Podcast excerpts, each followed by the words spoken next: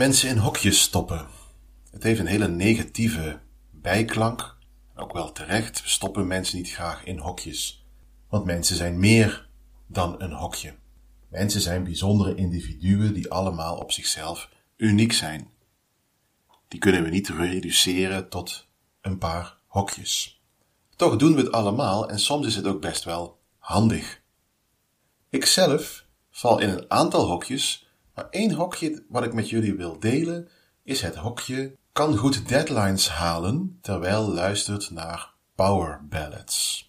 Het is de dag van de deadline en je moet nog best wel veel doen. De hele dag schuif je het wat voor je uit, je zit wat aan te rommelen, je zoekt naar dingen die je eigenlijk niet nodig hebt op internet. Je beantwoordt mails, je gaat door oude mails, je bent aan het uitstellen. De meeste van ons zullen dit wel herkennen, ik in ieder geval zeker. Als de deadline dan dichter en dichterbij komt, dan moet het echt af. En op dat moment grijp ik naar de power ballad. Power ballads hadden hun hoogtepunt, hun bloeiperiode in de jaren 90 met sterren als Celine Dion, Bon Jovi en laten we zeker ook niet Mariah Carey vergeten. Celine Dion is mijn persoonlijke favoriet.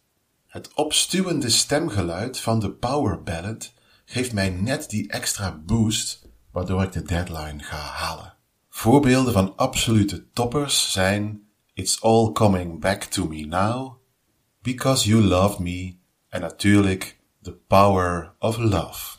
Mochten er luisteraars zijn die denken dat zij deadlines niet goed kunnen halen op power ballads, dan zou ik aanraden om het toch eens te proberen.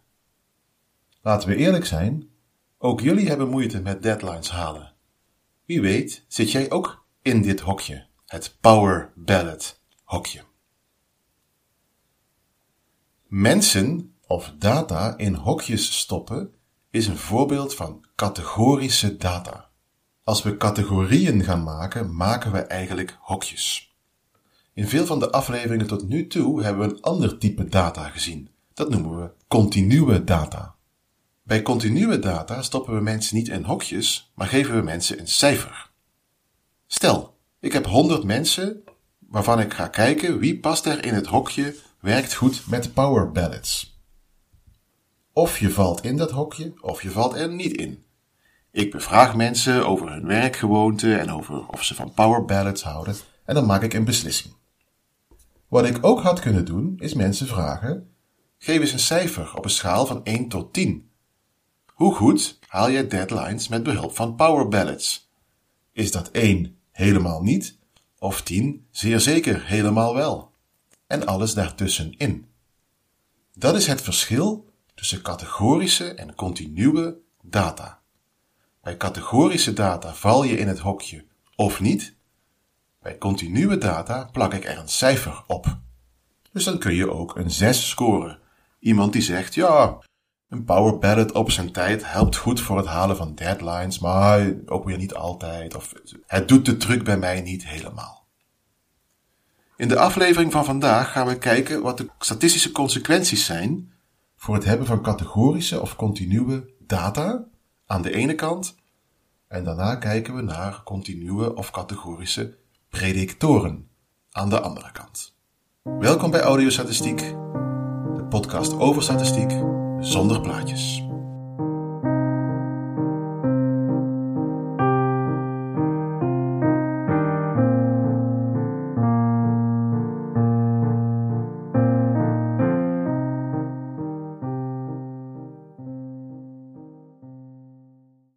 Categorische versus continue data. Dit is een belangrijk verschil, omdat de aard van de data echt anders is en statistische toetsen gaan er ook heel anders mee om.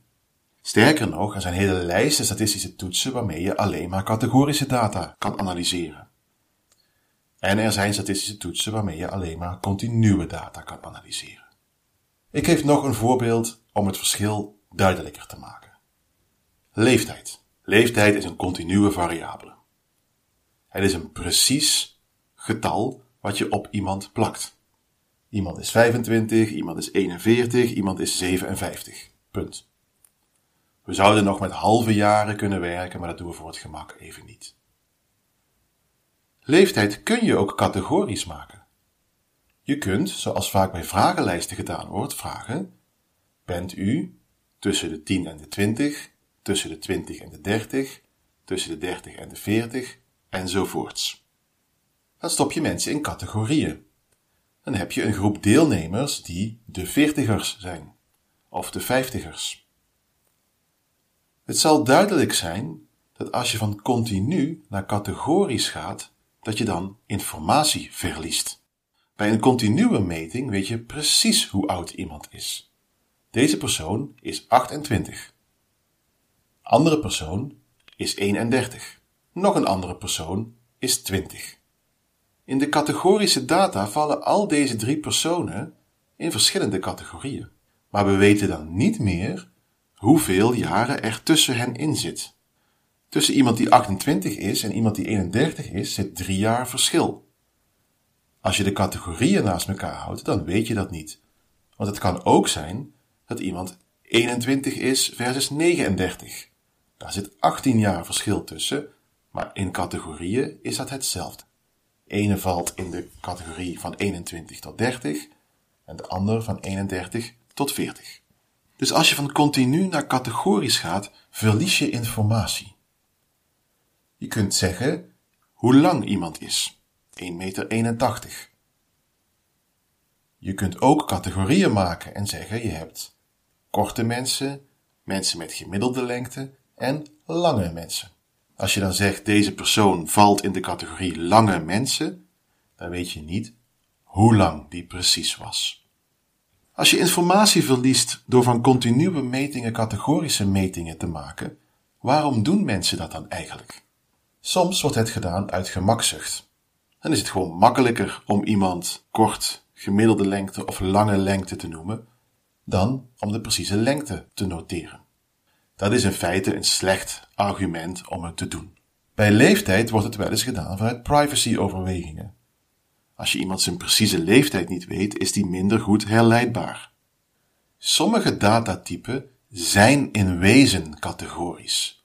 Die kunnen niet continu zijn. Het voorbeeld wat in tekstboeken heel vaak gegeven wordt, maar wat biologisch eigenlijk niet zo sterk is, is geslacht. Wordt er gezegd, geslacht is een binaire variabele. Je bent man of je bent vrouw. Zowel biologisch als cultureel is daar heel veel tegen in te brengen en zou het misschien kloppender zijn om geslacht ook als continu te zien. Een ingewikkelde discussie.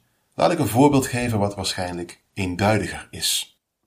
Namelijk bloedgroep. Bloedgroep, je kunt AB zijn, je kunt O negatief zijn, je kunt denk ik ook A positief zijn. Jullie horen het, ik weet er weinig van. Maar wat ik wel weet is dat mensen gecategoriseerd worden op basis van hun bloedgroep. Het is niet zo dat je een beetje halverwege tussen twee bloedgroepen in kan zitten. Je bent of de ene bloedgroep of de ander. Dit is een variabele die echt van zichzelf categorisch is. Het eerste wat je moet doen als je een dataset hebt, is jezelf afvragen: heb ik eigenlijk categorische of continue data? Dat had je je nog beter kunnen afvragen voordat je het experiment ging uitvoeren. Wil ik categorische of continue data meten? Kan dat? En zijn er voor- of nadelen voor het een of het ander? Wat betreft de voor- of nadelen zijn er eigenlijk geen nadelen aan het meten van continue variabele. Als het kan, natuurlijk. Bij bloedgroep zou het niet kunnen. Er zijn geen nadelen aan en toch wordt het heel geregeld niet gedaan. Worden mensen opgedeeld in categorieën. Dat heeft een beetje met onderzoekstraditie te maken en ik denk ook een beetje met gemakzucht. Als je data categorisch zijn, kun je bijvoorbeeld de t-toets niet meer gebruiken. De t-toets wil continue en, zoals we eerder zagen, normaal verdeelde data. De meest gebruikte toets bij categorische variabelen is de chi-kwadraat toets. En die vraagt eigenlijk, is er een verband tussen twee categorische variabelen? Een voorbeeld is er een verband tussen het dragen van een bril en het voor de eerste keer slagen op je rijexamen. Het experiment dat ik doe is dat ik 200 mensen volg die voor de eerste keer opgaan voor een rijexamen. Elke persoon valt in één van vier categorieën. Of je hebt een bril en je haalt het rijexamen. Of je hebt geen bril en je haalt het rijexamen. Je hebt een bril en je haalt het rijexamen niet. Of je hebt geen bril en je haalt het rijexamen niet. Er zijn hier twee variabelen, namelijk het hebben van een bril, ja of nee, en het voor de eerste keer slagen voor je rijexamen, namelijk ja of nee. Van alle 200 deelnemers past iedereen in een van die vier hokjes. De variabelen zijn categorisch, sterker nog, de variabelen zijn binair. Een binair betekent simpelweg dat er maar twee mogelijkheden zijn. Categorisch is een wat bredere manier van klassificeren, want je kunt ook hebben laag, medium, hoog. Dan heb je drie categorieën. In dit voorbeeld zijn de variabelen binair.